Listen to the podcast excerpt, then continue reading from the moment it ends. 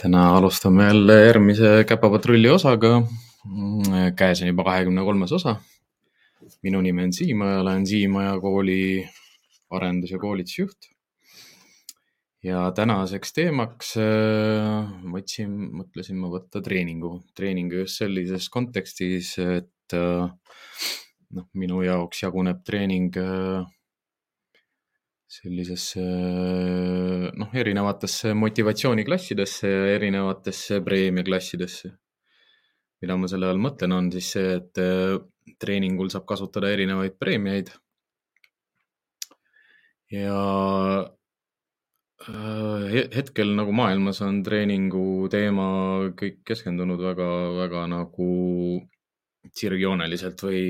minu jaoks isegi kitsalt nagu toiduga premeerimisele ja täna tahakski nagu lahata natukene neid äh, erinevaid mõtteid, mis nagu tegelikult peaks äh, iga inimese jaoks olema sisuliselt nagu selge, seal on kindlad piirid, seal on kindlad mõtted. muidugi ma lähen selle teemaga ka rohkem nagu nii-öelda professionaalse koolituse maailma. aga need, keda ütleme, et ta ikkagi aitab nagu mõista koerte treenimist ja koerte õppimist äh, nagu sellises kontekstis rohkem, et, et preemiad, preemiad on erineva tasemega ja, ja koerte koolitamises on erinevaid meetodeid, mida kasutatakse nii treenimiseks kui õpetamiseks ja ja mis mind kogu aeg nagu kõige rohkem äh, selle koerte koolitamise juures nagu selliseks naljakaks teeb, noh. tragi, tragi, tragikomöödiliseks on see, et jah, et, et äh, siiamaani tundub nagu paljud inimesed arvavad, et koerte koolitus käib koerte koolis ja koerte koolitamine toimub äh, treeningplatsil ja ja kui sa platsi peal ei ole, siis treeningut ei toimu ja siis sa treeningul ei osale ja siis sa treeningust ei võta osa ja siis koer ei õpi midagi. noh, mis minu jaoks on äh, või mis, mis on nagu oluline mõelda, koer, äh, mõista koerte treenimise puhul ongi see, et koer õpib kogu aeg igal pool ja, ja iga hetk. nüüd see küsimus on jah selles, et kas õpitu kinnistub kas õpitu jääb meelde ja mis, mis konteksti nagu õpetatav või õpitu koerale loob. ehk siis tulebki nagu arvestada, et, et koer õpib äh, üksi kodus olles, kaksi kodus olles, vabalt kodus olles, lahtiselt aias olles äh, üksi ühes toas olles, üksi valges toas olles, üksi pimedas toas olles, üksinda välisaedikus olles, noh, äh, katuse all olles, kuuris magades. et see ei ole niimoodi, et, et õppimine algab ja õppimine lõpeb mingil kindlal hetkel, et noh, tõenäoline on, et õppimine peatub siis, kui koer magab, aga see on ka ainukene aeg, kui, kui koer ei ole õppimisvõimeline või, või, või ta ei õpi midagi või et ma ei saa talle midagi õpetada. kui selle mõtte peale ka minna jah, et et selliseid kitsaskohti on koerte treeningus, kus koera õppimisvõime on pidurdunud ja, ja sellega tuleb kindlasti arvestada, et, et koer samamoodi ei õpi hästi, kui ta on stressis, kui ta on nii paanikas, et ei ole õppimisvõimeline. teine, teine äärmus on, kui ta on nii kõrges instinktis, et ta ei ole õppimisvõimeline. ja mis ongi koerte puhul oluline nagu aru saada ja teada, et ega noh, ongi sellised koerad, kas, kes on näiteks rihmas kisuvad ja, ja on selle täiesti sirgeks tõmmanud ja tagajalgade peal püsti, aga see koer ei ole õppimisvõimeline sellel hetkel ja noh, isegi kui te suudate suunata tema tähelepanu kuidagi eemale, siis ega see ei tähenda, et õpib, noh, õpetamine kinnistub või õppimine toimub. samal ajal, kui ma mm,? oma treeningmõtteid nagu jagan teiega, et siis endiselt on äh, kommentaaride aken äh, teie jaoks avatud või vestlusaken. kõiki, kõik äh, teemakohased ja üldse valdkonnapõhised küsimused on teretulnud. mina endiselt vastan kõikidele küsimustele, mis tulevad ja, ja räägin siis, proovin, üritan olla nagu teemaga sealmaal, kuhu ma ta nagu pooleli jätan küsimuste-vastuste vahel. nagu te aru saate, siis Karli täna meiega ei ole. põhjus on, põhjus on üsna selge, et eks, eks me kõik oleme oma elus tajunud selliseid hetki, kui me oleme erinevate asjadega üle koormatud. Seal ongi alati kaks asja, et üks asi on ise, iseenda ülekoormamine ja teine asi on siis selle koormuse all püsimine ja, ja, ja võib-olla ka mitte nagu märkamine, et, et me hakkame noh, üle töötama ja läbi, noh, läbipõlemine on seal vältimatu ühest või teisest otsast. ega tihtipeale me ise ei märkagi seda. Äh, podcast'i, noh, mina olen äh, endiselt hea meelega kolmapäeval tegema, ma ei jõua küll nagu võib-olla piisavalt pikalt ette teavitada kõiki vaatajaid ja kuulajaid, aga minu jaoks on see oluline võimalus ennast ka valdkondlikult arendada ja, ja professionaalselt nagu nii-öelda mõttega asja juures hoida.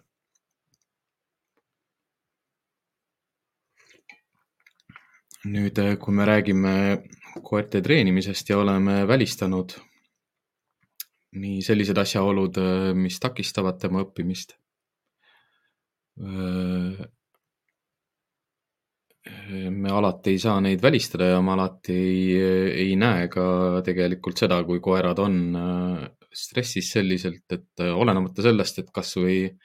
ma söödan talle konservi sisse, noh, ta ikkagi ei seosta seda kohta või aega nagu millegi positiivsega.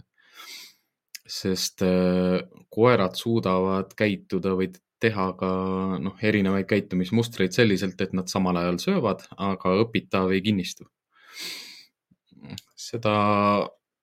seda näeb äh, koerte koolituses üsna palju koertekoolituses ja ütleme ka professionaalses koolituses näeb ka selliseid olukordi palju, kus, kus ma platsi peal näen vaeva, jooksen koeraga ringi, teen mitu harjutuse kordust ära. Ja kõik paistab nagu kõrvalt äh, vaatajale justkui nagu nii, et, et koer teeb ju ära ja, ja teeb kõik liigutused läbi ja teeb kõik äh, kõik vajaliku nagu ära ja ma lõpetan selle harjutuse ära ja panen koera ära ja mu enda sihuke veendumus on ka, et koer nüüd õppis nagu väga palju, aga noh, võtad koera uuesti platsile ja hakkad samat asja tegema ja sa tajud ise ka, et, et see, see viis kuni kümme minutit, mis sa eelmise ringi tegid, et sellest ei kinnistunud nagu mitte midagi. Ja noh, kust maalt ta põhiliselt nagu minu jaoks on niimoodi ka koerte käitumisspetsialistina ja sellise individuaalkoolituste pakkujana nagu silma jäänud, on ikkagi see, et äh, inimesed jäävad toidupreemiasse kinni, jäävad toiduga treenimisse kinni ja ei liigu, ei liigu sealt edasi. noh, küsimus ei olegi selles, et, et kas nad ei oska edasi liikuda, küsimus ongi selles, et mida õpetatakse või mis see mainstream teeb. Millised sellised suured paradigmad on äh, Eesti val-, Eesti ühiskonnas nagu valdavad, kus ei mõisteta nagu, noh, koolitajad ise ei mõista seda, et kuhu nad inimesi juhivad. Ja kuhu sa kinni jääd nagu inimesena koera treenimisel. noh, ma saan äh, ma räägin ka täna nagu siis nagu erinevate koera profiilide läbi nagu, et milliseid koolitusmeetodeid kasutada ja, ja teiseks ma räägin lihtsalt sellest ka, et, et milliseid motivaatoreid koolitusel kasutada. ja, ja, ja noh, üldiselt saab rääkida ka sellest, et miks teatud motivaatoritest loobutakse lihtsalt, et ei näha, ei nähta sellest kasu, ei nähta sellest tulemust ja liiga kergelt loobutakse ja noh, põhjus ei ole alati selles, et, et, et ei ole piisavad, ei ole noh, kättesaadavad mingid treeningvahendid, vaid tihtipeale on ka põhjus selles, et lihtsalt äh, treeningvahendid, mis nagu endale muretsetakse, ei suudeta koerale meeldivaks teha või siis noh, teine asi, mida ma väga tihti näen, on, on see, et äh, ostetakse treeningvahendeid, aga ostetakse vale, valed treeningvahendid ehk siis ma ei, ma ausalt öeldes ei teagi täpselt nagu, kust potist ma nagu pihta hakkan, kui ma praegu räägin, siis mõtted jooksevad nagu paremale-vasakule, aga kõige olulisem, mida tasub igale, igal nagu koerte koolitajal aru saada, mõista ja meeles pidada ja, ja, ja edasi anda, on see, et toiduga toiduga koolitatakse kutsikaid. Toiduga koolitatakse tehnikaid, tehnikaid selgeks, ütleme algselt, et hoida madalat instinkti. aga toiduga ei õpetata ühtegi käitumist kestvaks, püsivaks ega, ega täpseks ega kiireks jah, siin on, siin on üks selline väike aga sees, mis on klikerkoolitus aga klikerkoolitusega on täpselt sama, et, et kui ma isegi saan, saan istulama või erinevad asendid kiireks, siis see ei tähenda, et ma saan need äh, asendid püsivaks, kestvaks ja distantsil töötavaks. Noh, samamoodi on seal alati see küsimus, et kas ma tegin koerale kehakeele selgeks, näomiimika selgeks või, või sõnad selgeks äh, toiduga, toiduga on väga hea koolitada kutsikaid. Kutsikate juures ongi võlu see, et äh, nad on alati näljased, noh, minu jaoks nad on nagu pisikesed lapsed, et äh, nad söövad, äh, noh, söövad, kakavad, magavad. söövad, kakavad, magavad. ja sihuke ring kogu aeg käib, sest noh, söögiga saab nendega väga palju mängida söö, süües saab neil kõht täis, liikudes nad väsivad ära ja siis nad jäävad magama ja siis, kui nad üles ärkavad, siis jälle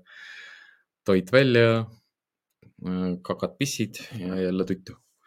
et suures plaanis kutsikakoolitust ma selliselt üles ehitangi. et kui mul on vaja kutsikale tegevust anda või kutsikat väsitada, siis vabalt nagu terve tema toidukord kuskile kotti või taskusse ja õue õue ronima, õue jooksma, õue siia kutsumist harjutama, õue nime harjutama, õue, ma ei tea, kasvõi pilet, pilet harjutama, mida iganes. et kutsika puhul ongi oluline see, et, et, et me kasutame seda, seda perioodi just ära selleks, et toiduga õpetada talle mitte, mitte läbi sellise karjastruktuuri ja mitte läbi nagu domineerimise ja, ja toidu omamise mitte midagi, vaid äh, rohkem just sellega, et minuga koos on lõbus ja minuga koos on tore ja minuga koos saab süüa ja ja kutsikas on äh, kuni neljanda-viienda elukuuni ikkagi sellises arengufaasis veel, kus ta, tal ei ole sotsiaalsed rollid olulised ja, ja ta ei pea nagu oluliseks seda, et, et ta peab toidu pärast võitlema või toidu eest võitlema või toidu eest tööd tegema mis toidukoolituse puhul ongi oluline see, et kutsikast peale tasub tegelikult väga palju juba noh, kultiveerida sellist motivatsiooni toidust, et, et äh, kutsikas oskaks toidu eest tööd teha, et tal tekiks juba selline toit, toidu, toidu eest töö tegemise harjumus või et, et toitu ei saaks liiga kergelt kätte. noh, mida ma mõtlengi selle all on see, et, et kui me neid istulama ja juurdekutsumisi või kõrvalkäimisi või kahe jala vahel käimisi või sitsimisi või noh, käpa andmisi või mis iganes me õpetame koerale või tahame õpetada, siis ei ole mõtet lähtuda sellest, et ma topin talle kogu aeg seda toitu otse suhu, vaid ma õpetan teda toitu jälitama, toidu järgi liikuma. ja mis on toidu juures oluline veel meeles pidada, on see, et toidu juures ei ole kõige olulisem mitte alati see, et kui hea see toit on, vaid äh, olulisem on ka see varieeruvus ehk siis vahelduv, äh, vahelduv premeerimistsükkel. noh, mida selle all mõeldakse, ongi see, et kas ma annan, äh, kas ma annan ühe tüki, kolm tükki, viis tükki või seitse tükki korraga. seda ma varieerin ja ma varieerin täpselt samamoodi seda, et mit, mm, mitut, noh näiteks mitut istumist ma järjest premeerin üldiselt äh, noh, kõik professionaalsed koertekoolitajad teavad seda, et selline varieeriv äh, tsükkel, premeerimistsükkel on kõige parem erinevate käitumiste kinnistamiseks ja samamoodi motivatsiooni suurest, suurendamiseks. mida nüüd muidugi seal toiduga treenimisel ka kõik äh, professionaalsed koertekoolitajad teavad, et ma ei saa toitu kinni jääda, ehk siis Inglise keeles nimetatakse seda nagu, et toit tuleb nagu välja fade ida ehk siis fade out teha erinevatest käitumistest ja mõte ongi see, et, et igasugune kehakeel, kehakeel kaoks ära toidu andmises, ehk siis kui me kogu aeg käest anname toitu ja, ja käest võetakse toitu ja käest saadakse toitu. noh, mul on praegu ka see Wise on täpselt selline, et ta pärast igat pissimist, pärast rihma kaela panemist, pärast igat sihukest nagu igapäevast suvalist tegevust katsub mu kätt, noh, aga see on ilmselgelt selline, liiga pikalt on toiduga premeerimisse kinni jäädud ja ta on juba täiskasvanud koer, kahe poole aastane ja ta ikka veel arvab, et saab käest preemiat. ja noh, ta võtab seda ise selles mõttes, et ta lihtsalt katsub kätt. kus noh ütleme, et, et, et ilmselt sellist nagu noh, ütlemegi tavakasutajaks nimetaks või ütleme, selline igapäevane koerakoolitaja, kes, kes koolitab oma kodukoera, et tema jaoks ei ole segavad sellised asjad, et, et, et kui koer toidulõhna tunneb, siis tal hakkab ila jooksma, on ju, ja, ja sa juba näed ta näost ära, et ta tahab seda toitu saada, ta teab, mida ta tahab saada. Kui sa oled professionaalne koertekoolitaja juba ja sa pead olema kuskil platsil või sooritama midagi ja su koer vesistab nagu ma ei tea, mis asi, siis see või sa oled näiteks teenistuses ja sul on vaja markeerida narkootikume, relvaosi või, või asitõendeid, noh siis ei ole hea see, kui koer sinna noh, markeerimisvahendi peale nagu ilastab. ja täpselt samamoodi, et, et markeerimist õpetades me võime ka jääda toitu liiga kaua kinni, mis, mis toob sellise reaktsiooni koerale, et, et kui me hakkame jälle harjutust tegema, siis ta hakkab lihtsalt ilastama, sellepärast et ta on harjunud toitu saama selle käitumise eest et noh, see on klassikaline tingimine, mille Pavlov avastas juba ammu neljakümnendatel, et eh, kui see on kellegi jaoks veel nagu võõras või arusaamatu, siis äh, sellest võiks nagu koerte koolitamisel lähtuda või aru saada, mis asi on klassikaline tingimine. toiduga klassikalist tingimist teha on, on suurepärane ja, ja lihtne ja erinevaid asju koerale selgeks õpetada ei ole üldse probleem. probleem on rohkem seal see, et eh, kas me suudame sõnad kokku panna ja teine probleem on see, et kas me ikkagi suudame seda motivatsiooni piisavalt kõrgena hoida ka edaspidi, kui koer on juba pooleaastane ja aastane ja sealt veel edasi, noh, ütleme ikkagi koera elukaar on, on kaheksa kuni kuusteist, noh, ma ei tea, ma ei ole väga palju kauem kuulnudki, et koerad on elanud, mõned pisikesed koerad võib-olla kaheksateistaastaseks ja niimoodi. osade koerte puhul, kes, kellega ma olen kokku puutunud, mul on niisugune tunne juba, et nad on kakskümmend kolm või midagi sellist, aga noh, nad on lihtsalt osad koerad on su elus nagu väga kaua ja, ja see on, see on ainult positiivne. ja ütleme, toiduga saab koera küll elu lõpuni koolitada, aga sa saad koolitada koera ja täiskasvanud koera ainult sellistes oludes, mis on väga vaiksed, rahulikud ja noh, ütlemegi saalid, platsid, kus ei ole ärriteid, kus on vaikne, rahulik ja, ja ei ole segajaid ja noh, teine asi ongi see, et, et noh, kui kutsikatel on see suur häda, et, et neil saab lihtsalt kõht täis ehk siis toiduga koolitamisel tuleb arvestada sellega, et varem või hiljem tal saab kõht täis ja sa ei saa, noh, ei ole mõtet neid koolitustsükleid väga pikaks ajada. siis täiskasvanud koeraga ei pea väga palju muretsema, sellepärast et tal kõht täis saab või et enam ei mahu, aga millega tuleb kindlasti arvestada, on see, et et lihtsalt motivatsioon toidus on nii madal, et, et varem või hiljem ta lihtsalt äh, loobub ja teeb midagi muud. ütleme, niisugune väike erand seal on kindlasti, on klikerkoolitus, aga ütleme, klikerkoolitus, klikerit suudaks iga inimene oma koera koolitamiseks kasutada. klikerit on üsna lihtne sisse sööta, ehk siis seda nimetataksegi sissesöötmiseks ja mis klikerkoolituse puhul ongi parem, on, on see, et tegemist on operantse tingimisega. ja operantse tingimise puhul äh, saab kujundada ka palju rohkem seda nagu, et milline motivatsioon on koeral. mida ta on nõus tegema selleks, et see klõps lõpuks kätte saada ja kui pikalt see kestab ja kui pikalt ta on nõus tööd tegema millegi eest, mis, mille ta lõpuks saab aga olenemata sellest, et, et klikerkoolitust tuleks algselt toiduga sisse sööta, noh, kliker tuleks toiduga sisse sööta, et instinkt oleks madal. siis nii toiduga, ilma klikerita toiduga koolituse puhul kui ka klikeriga toidu, toiduga koolitamise puhul tuleb alati nagu silmas pidada seda, et varem või hiljem on vaja mänguasja peale üle minna. ehk siis mänguasjaga hakata premeerima Äh, miks see on oluline toidu pealt mänguasja peale üle minna, ongi sellepärast, et esiteks igasugused need ilastamised ja motivatsiooni küsimused kaoksid ära. et, äh, et saaks juba hakata tegelema selliste asjadega nagu kestvus ja distants.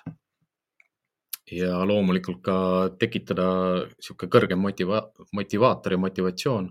mille nimel koer on nõus midagi tegema nüüd need kitsaskohad, mis on äh, mängus, on kindlasti need, et äh, inimesed ei oska koertega mängida. on äh, probleem selles, et ostetakse valesid mänguasju. kõige suurem probleem on see, et mänguasjad jäetakse kätte, eriti veel, mis on interaktiivsed mänguasjad ehk siis mänguasjad, mis on mõeldud koos mängimiseks. ja inimesed ei saa aru nagu, kuhu koera motivatsioon kaob. Ja miks näiteks ka motivatsioon ei tõuse noh, ütleme, et, et jah, noh, koer mängib enam-vähem nagu, aga ta ei ole väga motiveeritud pikalt mängima või et ta mingi aja pärast loobub minuga mängimisest. või et kui ta saab mänguasja, siis ta läheb alati minu juurest ära ja siis närib seda kuskil ise ja mingi aja pärast võib-olla tuleb mulle lähedale, aga ei anna mulle mänguasja ära, vaid jookseb sellega ringi ja ei too mulle seda nagu selleks, et, et ma saaksin edasi, et me saaksime koos edasi mängida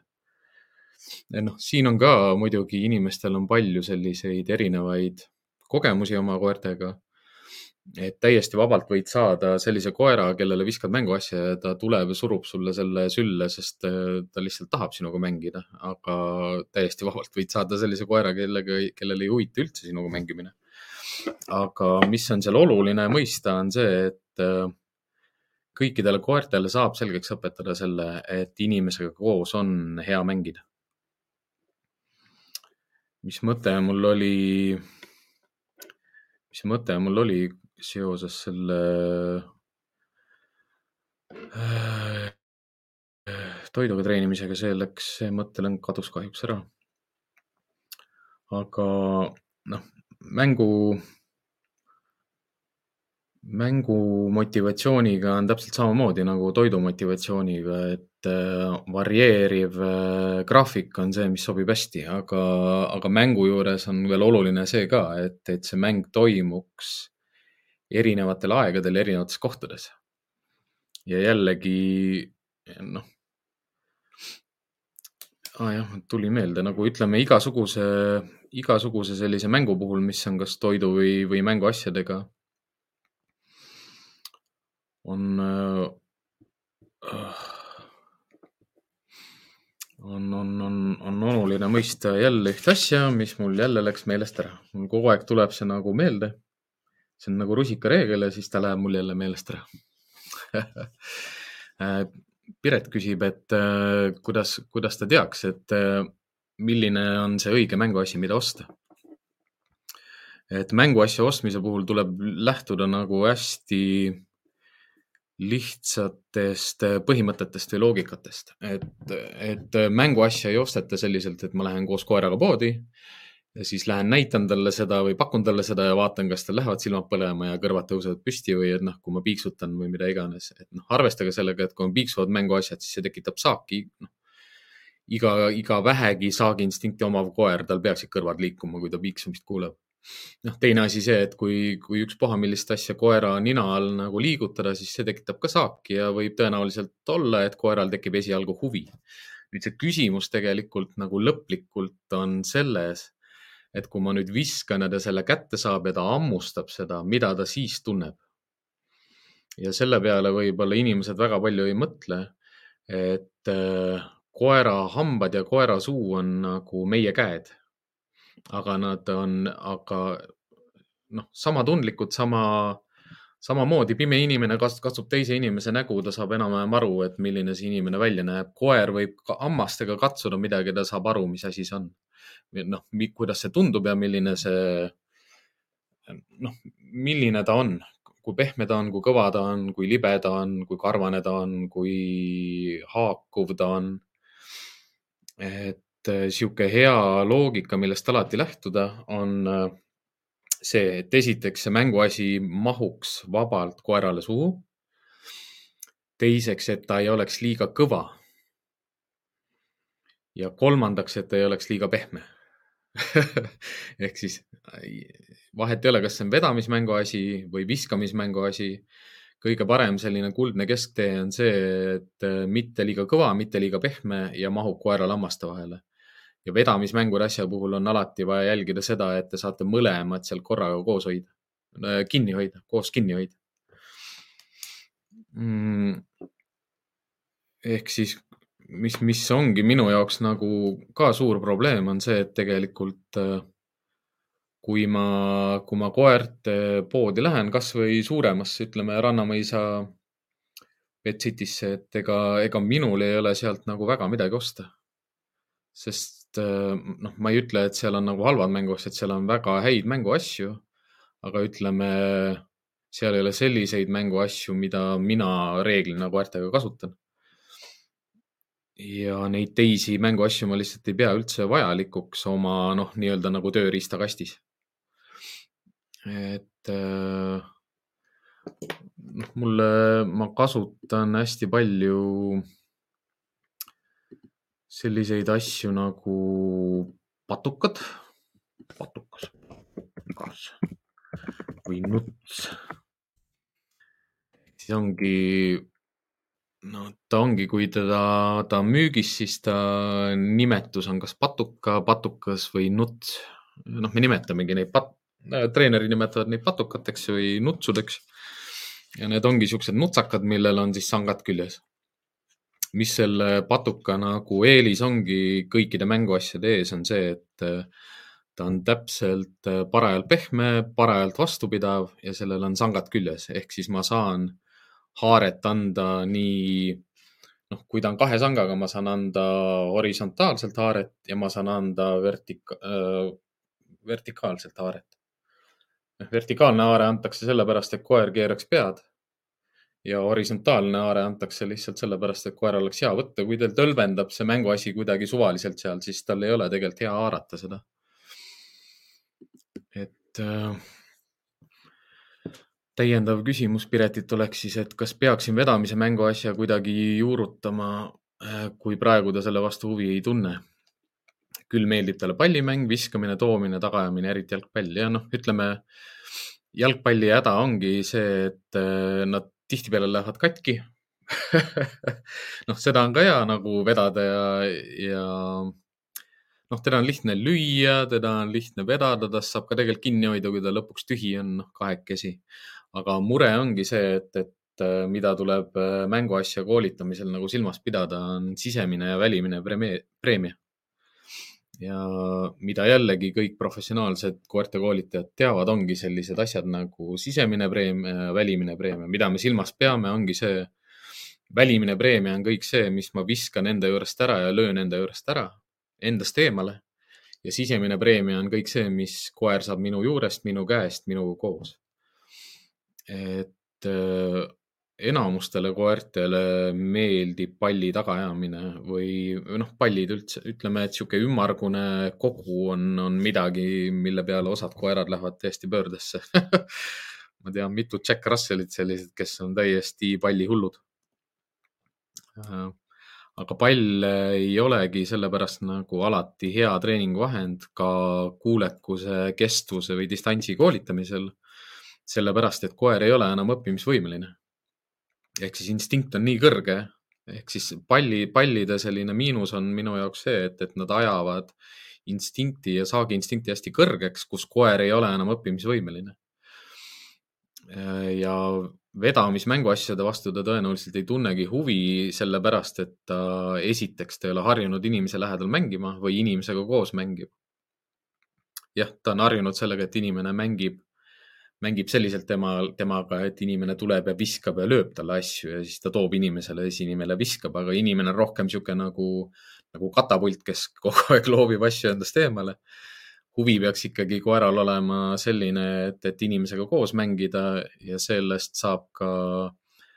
rohkem sellist motivatsiooni, kus koer on nõus sinuga koos mängima ja sulle mängima, sest see mõte ongi see, et,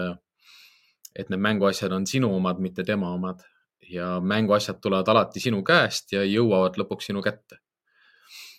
noh, isegi kui ma palle mängin, ega ma palle loobin nii kaua, kuni koer enam ei jõua või ma olen saanud, saavutanud mingi õppimise eesmärgi, ütleme. Wise'iga oli mul viimane pallimängu eesmärk see, et ta annaks käsu peale, noh, anna käsu peale, laseks palli lahti ja ma saaksin talle uue palli kohe visata ehk siis ta tuleb jooksuga, ma ütlen anna, ta laseb palli lahti, ma viskan teisele poole, ta toob ära, tuleb jooksuga, ma ütlen anna, ta laseb palli lahti, viskan teisele poole. noh, kasutan seda, on ju, et, et lihtsalt koera väsitada. samal ajal jälgin seda, et kas ta kõrges instinktis kuulab mind. ja kas ta saab aru, mida ma tahan ja ma saan premeerida palli viskamisega seda, et ta laseb palli lahti. aga noh, see on palliga mäng, kui ta vedamise vastu huvi ei tunne, siis ongi kaks, äh, noh, tuleb alustada kolme sellise põhimõttega. esiteks see, et palliga enam ei mängi teiseks see, et mingit muud mänguasja ei ole kui ainult vedamismänguasi, et kui sa tahad mängida, siis, siis ainult vedamist saab mängida. ja kolmandaks see, et, et koer hoiaks sellest mänguasjast kõvasti kinni, mis ma talle pakun. ehk siis kui ma ise ei suuda olla piisavalt huvitav ja ennast piisavalt liikuvaks teha, et see mänguasi, mis mul käes on, teha tema jaoks huvitavaks ja mänguliseks, siis üks võimalus on see mänguasi siduda mingi nööri külge ja nööriga mööda maad lasta tal seda taga ajada või kinni võtta. kui ta lõpuks selle kinni haarab, siis on niisugune lihtne põhimõte, mida tuleb alati jälgida, on see, et pinge peab peale jääma. ehk siis mis juhtub, kui, kui ma ei hoia, kui ma ei hoia mängu ajal asjal pinget peal, siis ta hakkab seda matsutama. haare ei ole tugev ja lõppkokkuvõttes koer ei õpi ära seda, et ta peab kõvasti midagi hoidma või, või et ta peab olema tähelepanelik ja energiline ja, ja kindlasti kinni hoidma, sest kui ta kinni ei hoia, siis ta kaotab ära, siis ta kaotab selle mänguasja ära ütleme, et ega see ei ole mingi selline hirm, kus koer läheb nagu päeva lõpuks täiesti stressi, et ta kaotab. aga selliseid, selliseid äh, käitumismustreid võib koeraga mängides nagu näha, et, et kui te tõmbate mänguasja endale hästi lähedale, siis ta laseb lahti. Kui te kui te jätate mängu seisma ja tahate, et ta laseks sellest lahti, siis ta ei lase sellest lahti, vaid ta niuksub ja hüppab ja kargab ja tõmbab seda edasi ja haarab uuesti ja haarab uuesti ja. et noh, tegelikult ongi niimoodi, et kui ma hakkan koduvisiitide puhul mingite käitumismuredega tegelema, siis tavaliselt ma esimese visiidiga saan juba nii palju tegelikult selliseid ressursi küsimusi nagu lahendatud koeraga, et, et tõenäoline on, et mul teist visiiti enam pole vaja, aga kui, kui on teine visiit ka tulemas, siis nagu rusikareegel ma võtan mänguasjad kaasa. sest mänguasjadega ma näen ära selle, et milline suhe on tal mänguressurssidega. et kui ma mängus, mängus näen selliseid asju, et ta kardab mind et ta ei haara mänguasjast kinni või ta haarab kinni, aga ei hoia kõvasti kinni, siis, siis seal on kohe ju mingi selline konflikt sees, et noh, jälle kohe selline ahhaa, nii järgmine mure on ju, et lahendame selle konflikti ära. kui ma selle konflikti olen ära lahendanud, siis mul on koeraga jälle lihtsam koos elada. et ta ei peaks muretsema kogu aeg oma mänguasjade pärast. kõige tobedam asi, mis ma olen äh, oma teenistuse jooksul näinud ja ilmselt ma ei olegi tegelikult, noh ütleme, saksa lambakoeri ma ei ole juba ammu niimoodi treeningsituatsioonis näinud, aga kõige lollim asi, mis ma olen näinud, on see, et jäetakse see pall koerale kätte. noh, ta teeb oma harjutuse ära või mitte mida iganes ja siis jäetakse see nööriga pall või see nätsutav pall ja siis ta nätsutab seda ja laseb ja lõhverdab. see tekitab omastamise koerale ja see lõpuks võib tekitada sellise olukorra, et kui sa selle palli talt lõpuks ära võtad, siis ta nutab sul pool päeva, sest ta tahab, noh, see pall on juba tema oma palli ei ole vaja. palju suurem motivatsioon mängu vastu on sellisel koeral, kellel, kellel ei ole mänguasju. kui, kui tekitada koerale selline omastav käitumine, kus ta on haige mingi asja järgi, kus ta ei suuda ilma mingi preemiata olla enam mis on äh, koerale palju stressi, stressirohkem ja stressi tekitavam kui see, et äh, mänguasjad on sinu omad ja tema ei tea täpselt, millal see mäng hakkab, see mäng võib hakata igal ajal, igal pool, noh, ma räägin jälle sellest, et et mina käin jalutamas alati kotiga ja mul on alati mänguasjad kaasas, igaks juhuks, noh, kunagi ei või teada, äkki, äkki läheb mänguasju vaja, noh, võib-olla täna koer on, teeb midagi sellist, mida ma tahan kindlasti premeerida. või, või ta on nii hästi käitunud hästi pikalt, et, et nüüd ma panen talle sinna lõppu ühe jackpot'i. mida mida, mida treeningul nagu mõista ongi see, et, et, et jackpot ida on osasid koeri nagu väga raske. isegi toiduga raske jackpot ida ja, ja ka mänguga raske jackpot ida. mis see jackpot imine tähendab, ongi see, et äh, igasugune koerapoolne tegevus lõpuks viib mingi sellise sündmuseni, mis on tema jaoks nagu superäge ja täiesti jackpot mida ma kutsikatega ka hakkan juba tegema, on see, et kui ma alguses teen trenni toiduga, siis ma lõpetan iga treeningsessiooni mänguga. ja ma hakkangi järjest niimoodi tegema, et toiduga madalas instinktis õpetan talle erinevaid käitumisi rahulikult selgeks ja näitan talle, et siit võib tulla veel midagi ägedamat. kus ma saan sellise koera, kes, kes alati töötab lõpu nimel mitte ei tööta kestvuse nimel või lihtsalt toidu nimel, vaid ta alati töötab selle nimel, mis võib tulla, mitte selle nimel, mis ta praegu teeb. ja sealt sa saad sellise mõnusa töötava koera, kes töötab nagu sulle ja tahab sinuga koos mängida noh, loomulikult see on, see on selline hästi põhi, noh, sisuliselt nagu treeningkava, et, et, et võtke endale nüüd kutsikas ja hakake tegema, onju, aga kui sul on juba vanem koer, mis mulle koerte juures hästi palju meeldib, ongi see, et, et koer õpib terve oma elukaare jooksul, et ei ole niimoodi, et Äh, mul on nii hästi meeles üks üheteistaastane koer, kes, kes ennem seda õppis noh, nagu, nagu piits ja saabas ja siis, kui me lõpuks viisime ta teise meetodi peal, treeningmeetodi peal üle, siis koer nagu sündis uuesti ja, ja ta, see on nagu, see on nii ammu ümber lükatud, et vanale koerale uusi trikke ei õpeta. ma olen õpetanud, ma olen õpetanud nelja-aastaseid koeri mängima, üheksa-aastaseid koeri mängima ma olen õpetanud selliseid koeri mängima, et omanik on täiesti veendunud, et see koer ei mängi mitte kunagi, noh. Äh, kusjuures ega kuskil kolm päeva ta ei mänginudki, aga neljandal päeval ta korraks võttis hammastega ühest mänguasjast kinni, mis ma talle pakkusin. ja viiendal päeval ta enam sellest lahti ei lasknud ehk siis äh, aeg-ajalt läheb koertele mängu õpetamiseks nagu kaua aega. aga põhiline mure ei olegi ju selles, et mitte ainult selles, et, et mis mänguasja sa kasutad, vaid ka see, et kuidas sa mängid. Kui palju sa tal lased võita, kui palju sa ise võidad, kui ta võidab, mis ta siis selle mänguasjaga tegema peab. et eh, noh, kui ma mängus näen niimoodi, et koer läheb minu juurest alati ära, siis on raudlaks, et ma seon selle mänguasja külge nööri. sest eh, ma ei taha tekitada ka sellele koerale sellist harjumust, et kui ta mänguasjaga minust eemale jääb, siis ma hakkan teda taga ajama noh, ma ei hakka sind taga ajama, need mänguasjad on minu omad.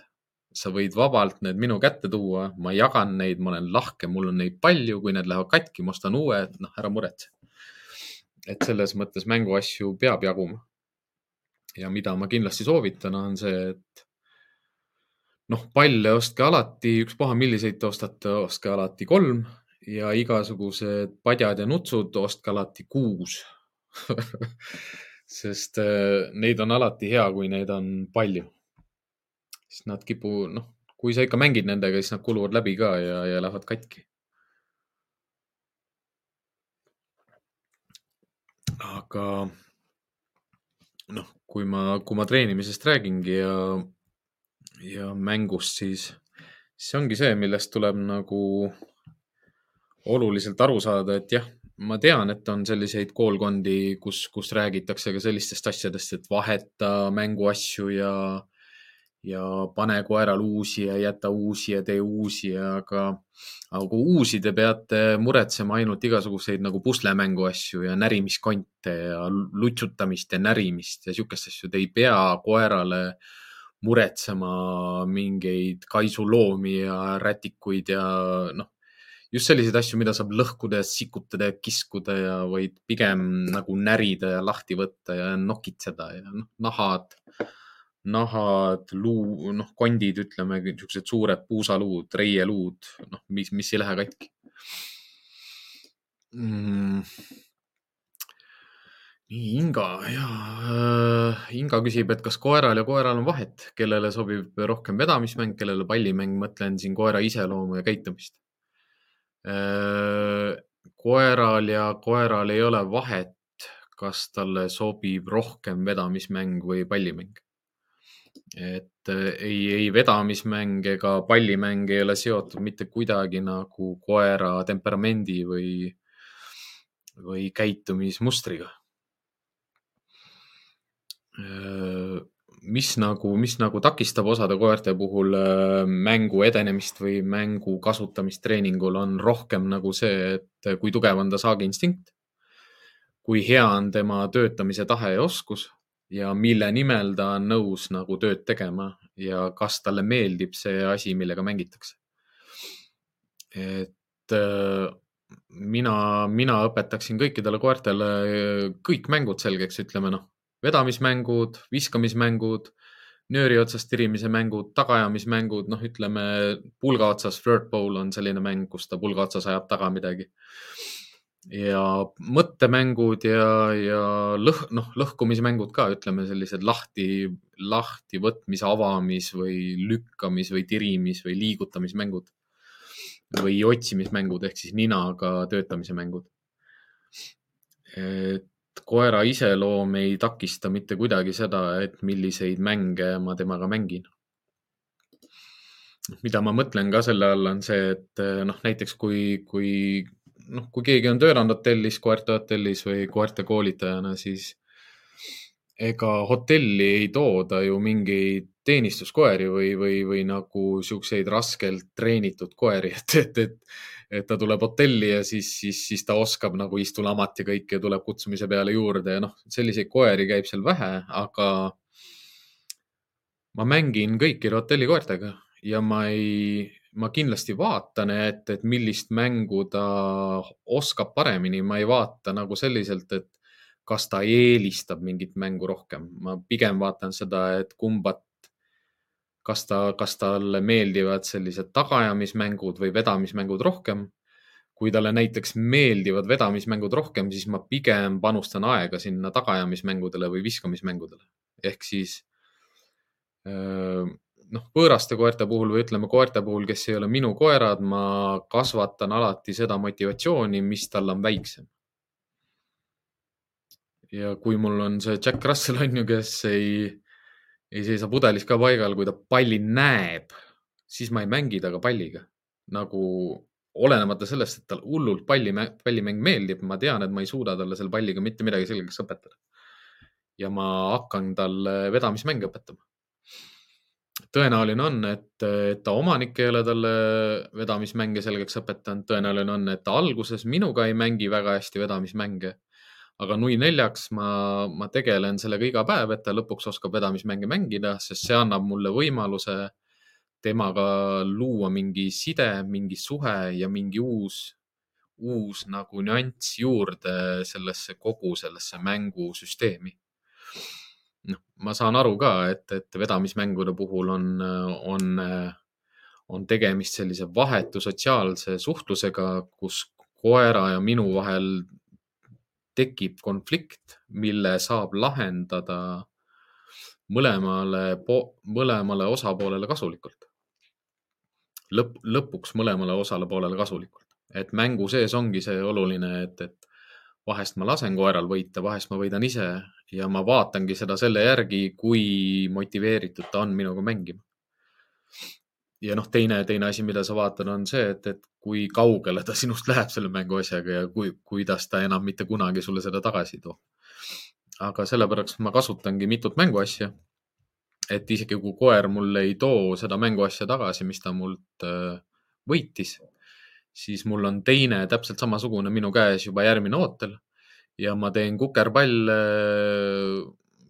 päikeserattaid, saltosid, jooksen ringi ja olen lõbus, noh, room on mööda maad.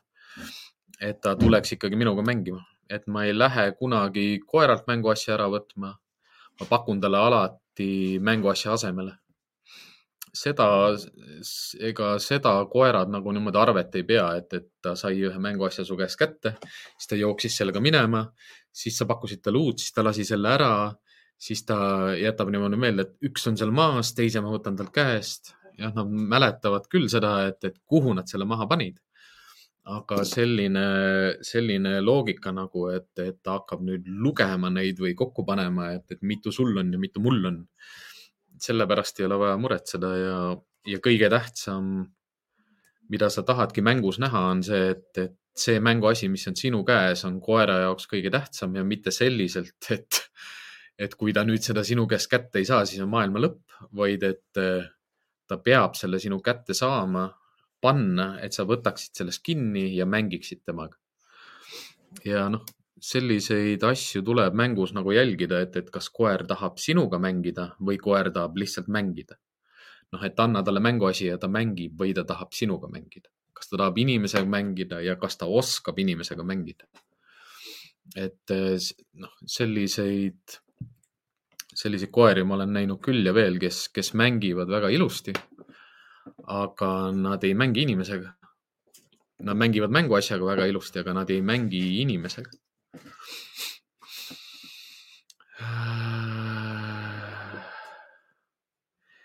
jah, noh, ütleme Enge, Enge see tähelepanek on, on hea, et, et vedamismänguga on nagu enam-vähem nutsuga, on ju, sest Noonal on päris head laiad lõuad ja, ja tal oli ilus selline sügav aare ka, et et talle kindlasti meeldib nutsust nagu kinni hoida, seda on hea, noh, tugevatele koertele meeldib seda veel kokku hammustada ja sihuke mõnus, eriti hea, kui ta selliseks liistakaks ära läheb. aga äh, kui ta mingi oksa leiab kuskilt riidast ja siis ta toob mulle terve oksa või mitte tervet oksa, vaid ainult otsa, et võta kinni, triim ja, jah. noh, see ongi see, et äh, äh mida on hästi oluline nagu mängu, mängu motivatsiooni ülesehitamisel nagu mõista, ongi see, et, et koerad ei mängiks asjadega, mida mina, millega mina ei ole mängu alustanud.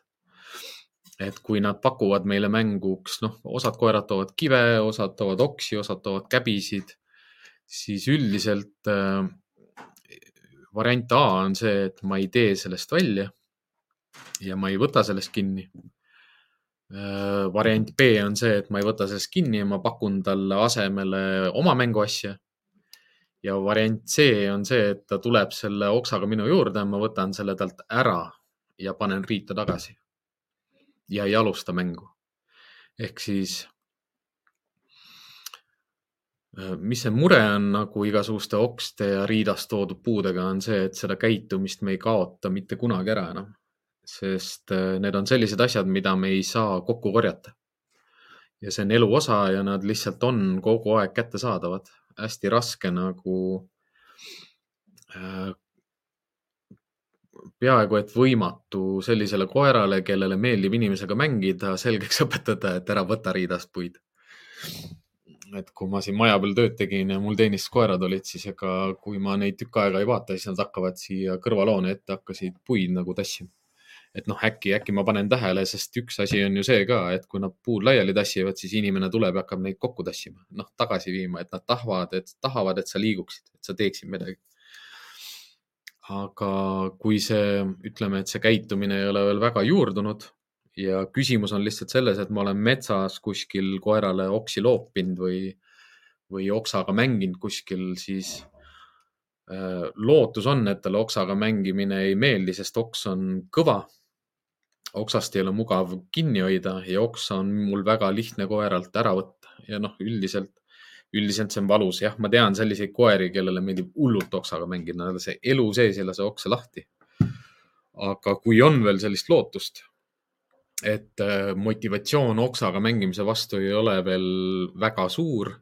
või siis teise mänguasjaga mängimise motivatsioon on suurem, siis ongi nagu kolm varianti alati see, et äh, esimene asi alati see, et ma ei tee välja, ma ei mängi okstega, ta võib neid vedada, võib neid nügida, ta võib neid mulle, ma ei tea, näkku toppida, ma ei võta sellest kinni ja ma ei tegele sellega. ma võin kogu aeg selles suunas liikuda, et, et kus on mu, noh, need päris mänguasjad, millega ma tahan, et ta mängiks ja ma asendan selle oksa päris mänguasjadega, kus ma siis suunan ta mõttetöö ka selliselt, et, et ta tahaks oksaga mängida, aga ta hakkab seda nutsu otsima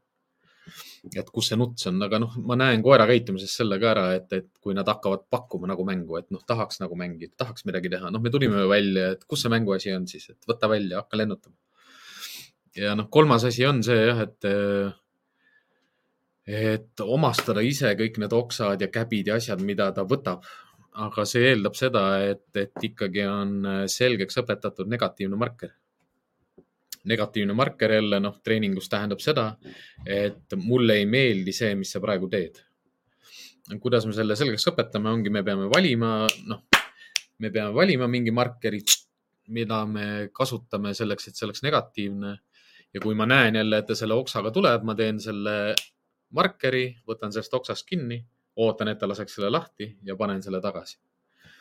ja nagu noh, siin ongi hästi oluline see järjepidevus ja sihikindlus ja mitte unustamine ja mitte see, et siis, kui sul sõbrad on külas, siis nemad loobivad oksa. aga siis, kui sina oled kodus, siis ei loobi oksa et siis see ei tööta, noh, see ei, see ei tööta, kui, kui kõik ei tee ühtemoodi. jällegi noh, miks on põhjus on ju teha koertekool Eestis selline, kus hakata lõpuks rääkima nagu avalikult kõikidele inimestele sellest, et te,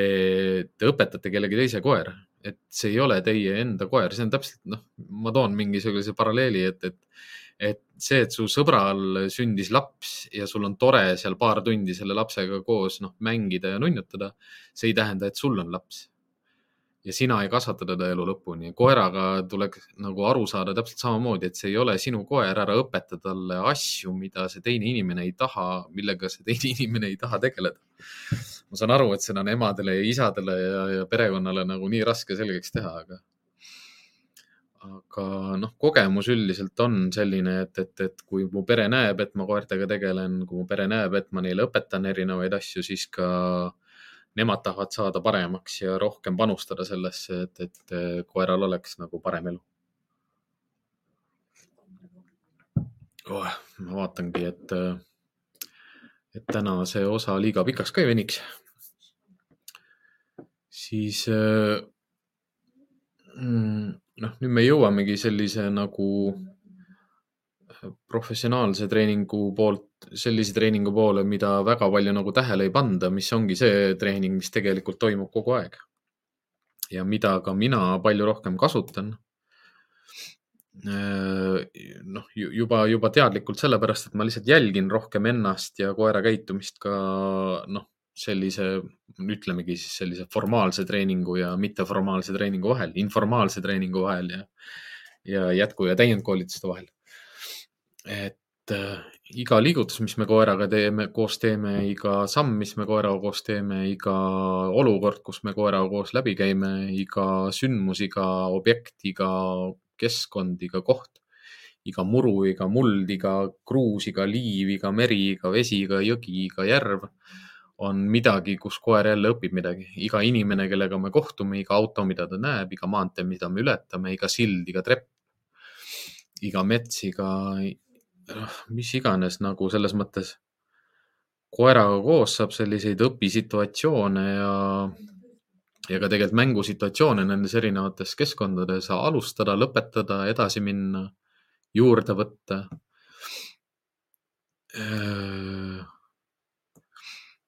ja on, on täitsa selliseid koeri olemas, keda, keda väga lihtne on ka lihtsalt häälega premeerida, on puudutusega premeerida on koeri, kellele meeldib, kui neid puudutatakse, on koeri, kellele ei meeldi, et neid puudutatakse, on koeri, kes saavad äh, inim, inimkeele tonaatsusest nagu aru, et, et kas see on nüüd preemia või keeld või mis see on. ja on koeri, kes ei mõista väga hästi seda, noh, Wise raputab iga kord, kui ma rahulikult räägin, noh, lihtsalt rahulikult räägin ja Wise raputab ja haigutab, ehk siis noh, tal tekitab stressi see, et ma räägin. oleks parem, kui ma oleks vait siis teda ei sega, kui ma räägin kellegagi, kui ma räägin temaga, siis see segab teda. ja noh, ammugi juba sellised puudutused ja, puudutused ja kehakeel, mis on tema jaoks nagu väga-väga häirivad ja noh, see ongi see kus ma praegu näen jälle pead tõstmas sellisel loogikal, et, et käitumismuresid tuleb lahendada treenides ja, ja lihtsalt käitumismured ei, mured ei lahene sellepärast, et teil on kehva treeningplaan noh, midagi nii absurdset ma ei ole juba ammu kuulnud. et äh, ma saan aru äh, mida tuleb nagu oluliselt silmas pidada ja mida ma just natuke aega tagasi ühele oma tuttavale ka telefoni teel ka meelde tuletasin, et äh, kui sul on selline koer, kes, kes ei ole ohtlik äh, sulle, sinu perele, teistele, ühiskonnale, noh, ta ei ole ohtlik, ta on ohtlik võib-olla iseendale, sest ta lolli peaga jääb auto alla. aga ta ei ole ohtlik, ta on sõbralik, ta on rõõmus, ta on energiline. Selliste koertega, jumala eest, tehke toiduga trenni. aga tehke lihtsaid asju ja tehke lihtsates keskkondades ja, ja see ei, noh, see ei devalveeri väga teievahelisi suhteid ega midagi ja, ja loob sellist rõõmu ja, ja lõbu sinna vahele. aga kui need teemad lähevad juba rohkem sellisteks ressursipõhisteks ja, ja abivajajateks ja, ja ebakindlateks ja stressirohketeks, siis toiduga sa ei loo sinna mitte mingit sellist äh, julgust, enesekindlust või sihipärasust nagu, nagu juurde, et noh, see on see, kus, kus on vajalik selline teadlikkus ja professionaalsus, mis, mis, mis minu, minu hinnangul jääb paljudel treeneritel nagu puudu veel. et noh, toiduga mäng ja mänguasjade mäng, mõlemad asjad on sellised suhted, kus me tegeleme koeraga ressurssidega ressurssidega, mis meil on, mida tema tahab. et kui te Gerard Auchet mõnel loengul olete käinud, siis te, noh, kuna ta on näitusekoerte koolitaja, tal on oluline see, et toidu motivatsioon oleks kõrge, ta tegeleb sellega kutikast peale. siis seal te, seal ta, seal noh, ütleme ta loengutes on mitu sellist asja, mis mulle väga meeldib sest see on täiesti loogiline, aga ta on loogiline mingis kindlas kontekstis ja mingis kindlas valdkonnas. et äh, koerad on nagu toidunarkomaanid ja nad peavad elu lõpuks selleks jääma. aga koerad on ka mänguasjade vastu väga kõrgelt motiveeritud ja, ja kui sa oskad mängida, siis äh, palju kõrgemalt kui toidu vastu. noh, ütleme ükski selline näitusering ei ole sellise sellise motivatsioonivajadusega, et, et nüüd äh, kindlasti see peab lõppema mänguseeriaga. aga, aga noh, nii madal, nii madal selline väljakutse, noh, hea toiduga saad kindlasti selle ringi tehtud. Aga ütleme, koeraga elamiseks selles maailmas, kus me tänasel päeval elame, ei ole kindlasti toidu motivatsioon piisav. et, et tema motivatsiooni hoida just selleks, et, et ta mulle tööd teeks mida me peame inimestena nagu noh, etoloogide, etoloogide kahjuks või selliseks pahameeleks tegema, on see, et osade koertega me peame neid lollitama nii palju, et, et neile meeldiks meiega koos mängida ja et nad tahaksid meilt midagi saada. et mul oleks midagi, mida tema tahab ja see ei pea olema üldse ju selline kuidagi kade või, või, või kitsarinnaline või, või, või, või vähejagav, et noh, minu jaoks ongi oluline, et kõik koerainimesed oleksid rahulikud, enesekindlad, lahked ja sihi, sihikindlad.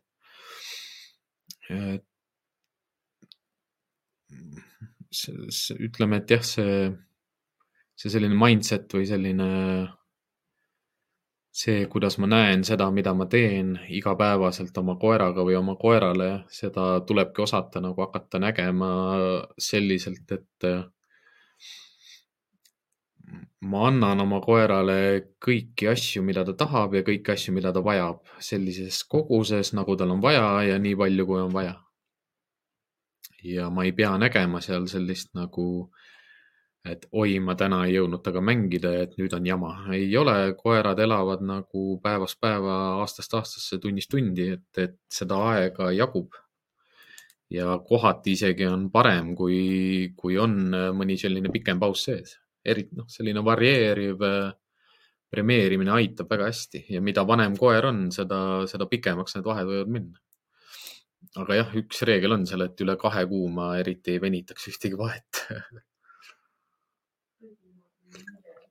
et äh,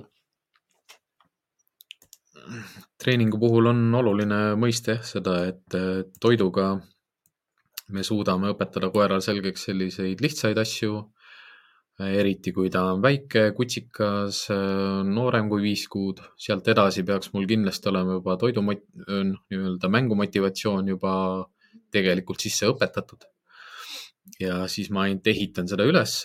koeraga vedamismängu mängimine ei tee teda agressiivsemaks, teeb teda agressiivsemaks, kui me laseme tal kogu aeg võita. ja omastada mänguasju ja koguda mänguasju mängu motivatsioon on selline, millega ma saan koera kutsuda enda juurde, mängu motivatsioon on selline, mida ma saan äh, tõsta enda positsiooni karjas. Ja mängu motivatsioon on selline, millega ma saan hoida seda motivatsiooni üleval ja koera tahet äh, minuga koos olla ja minuga koos mängida ja minuga koos äh, sotsiaalselt suhelda, minust kasu näha ja minus ka noh, ilmselt ikkagi mingeid selliseid juhi omadusi ka näha ja, ja väärtust ja kasu koerad ei ole nagu mitte kuskilt otsast nagu pahatahtlikud ega nad ei näe nagu, noh, nad ei vaata meid selliselt nagu, et tal on, aga mul ei ole, et tal on kaks tükki ja mul on null. et kui pakutakse, siis nad võtavad hea meelega vastu ja kui ei ole, siis on ka kõik hästi, sest ega niikaua kui, kui on soe ja, ja ulualu on olemas ja puhas joogivesi ja söök olemas, nii kaua nad on ikkagi õnnelikud ja, ja kõige õnnelikumad nad ongi ju sellises sotsiaalses koosluses nagu, mis on, mis on omamoodi väike karjakene. ja noh, mis mulle meeldibki koerte puhul on see, et kari hakkab kahest, mitte noh, kolm nagu seltskond või et nagu tunneb ennast natukene vähem, vähem karja, karjana või vähem loomana, kui, kui, kui ei ole kolmandat. Ja noh, mis on veel ägedam, on muidugi jah, kui, kui neid on rohkem. et äh, seal ongi sihuke, sihuke äge nagu selline noh, ebakõla natukene sees, et, et, et äh, rohkemate koertega on lihtsam, aga rohkemate koertega on ka rohkem tegemist et õudselt nagu tahaks, aga, aga samas nagu ei saa ju endale lubada neid elusid juurde ja juurde ja juurde. eks see oleneb kõik sellest elukeskkonnast ja, ja, ja millised võimalused on, millised ressursid on ja millised äh, kohad on olemas. aga jah, ütleme sellega ma olen täiesti nõus, et, et kui inimesed ei tegele treenimisega, siis ka koer ei õpi midagi. aga veel vähem on nagu mõttekas tegeleda selliste treeningutega, millega ka koer ei õpi midagi, kui ma ei liigu edasi, et iga, iga treeningu eesmärk on liikuda edasi, kogu aeg äh, saavutada mingeid uusi sihtmärke. et mängus, mängus on täpselt samamoodi, et ega kui ma kui ma, noh, esiteks ma toas ei mängiks koeraga, ma mängin alati koeraga õues ja kui ma õues mängin, siis ma tahan teda viia järjest keerulisematesse kohtadesse, keerulisematesse olukordadesse, kus ikkagi tähelepanu on minul, töötamine on minu jaoks, töötamine on minu peal, preemia tuleb minu käest, sõna peab kuulama minu poolt, häält peab kuulama minu poolt. aga noh, sellele teekonnale tuleb lihtsalt asuda, et äh, toidu motivatsioon äh, võib tunduda nagu midagi sellist, et kus koera silmad põlevad ja, ja ta on nõus kõike tegema, aga te ei kujuta ettegi, mida teie koerad on nõus tegema, kui nad oskavad mängida, kui nad näevad mängus kasu. Aga selle rongi peale istuvad nagu vähesed inimesed ja soovitan igatpidi nagu igatahes sellele teele minna. Ja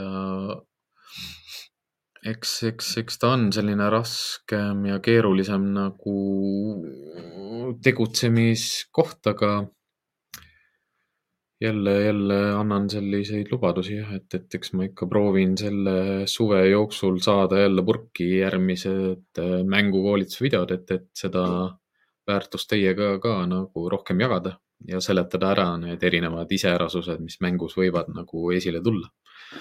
see plaan on endiselt nagu, nagu sees ja, ja, ja plaanis. ehk siis, kui me treeningut nagu jagame justkui sellisteks kookideks, noh, ütleme, et kui koer magab kuusteist tundi päevas, kaheksa tundi on üleval, ütleme kuskil kolm kuni neli tundi sellest võiksin ma temaga koos tegutseda ja tegeleda, siis siis ütleme mänguasjadega treening toimub meil võib-olla sihuke viisteist, heal juhul kakskümmend minutit sellest ajast, aga ülejäänud treening toimub jalutades, liikudes, mängides, joostes, seigeldes. Et see õppimine toimub kogu aeg. et seda on äh, koduvisiitidel ka äge vaadata, kus noh, osad koduvisiidid on ju mul lihtsalt sellised, et ma lähen räägin inimestele, noh, seletan inimestele erinevaid asjaolusid ja koer tegelikult pikutab ühe koha peal terve selle aja. et, et samamoodi kui inimese jaoks tundubki see selline nagu, et mitte midagi ei toimu, siis mina näen koera käitumisest nii palju erinevaid mustreid vahepeal, kus ma kogu aeg saan aru, et, et mida ta must arvab ja mida ta teeb ja mida ta noh, usub ise ka, et ta ei pea enam tegema. sest äh, Siim on, noh, mitte see, et Siim on siin ja koerte koolitaja on siin, aga et karjaga liitus selline, noh, selline uus liige, kes katab kõik minu vajadused ka turvalisuse vajaduse ja ka sellise kuuluvusvajaduse. et kihvt on jah, et see maailm on, on äge ja jääb ägedaks ja, ja õppimine ei lõppe mitte kunagi. et koeri on erinevaid, aga, aga lõpuks nad ikkagi on kõik koerad. ja kõik koerad suudavad nii palli mängida kui ka vedamist mängida Mm, lihtsalt jah, noh, me ise kipume raiskama neid, nende oskusi ja mitte märkama neid äh, mängu motivatsiooni suurendamise võimalusi ja kaotame ära neid ka toidu motivatsiooni suurendamise võimalusi. aga eks, eks sellest ja nendest asjadest räägime ka edaspidi. suur tänu kõigile, kes, kes täna täiendavaid küsimusi küsisid ja noh, need tulid täna ikka väga nagu teemakohased ja nad on sellised küsimused, mis alati jäävad õhku.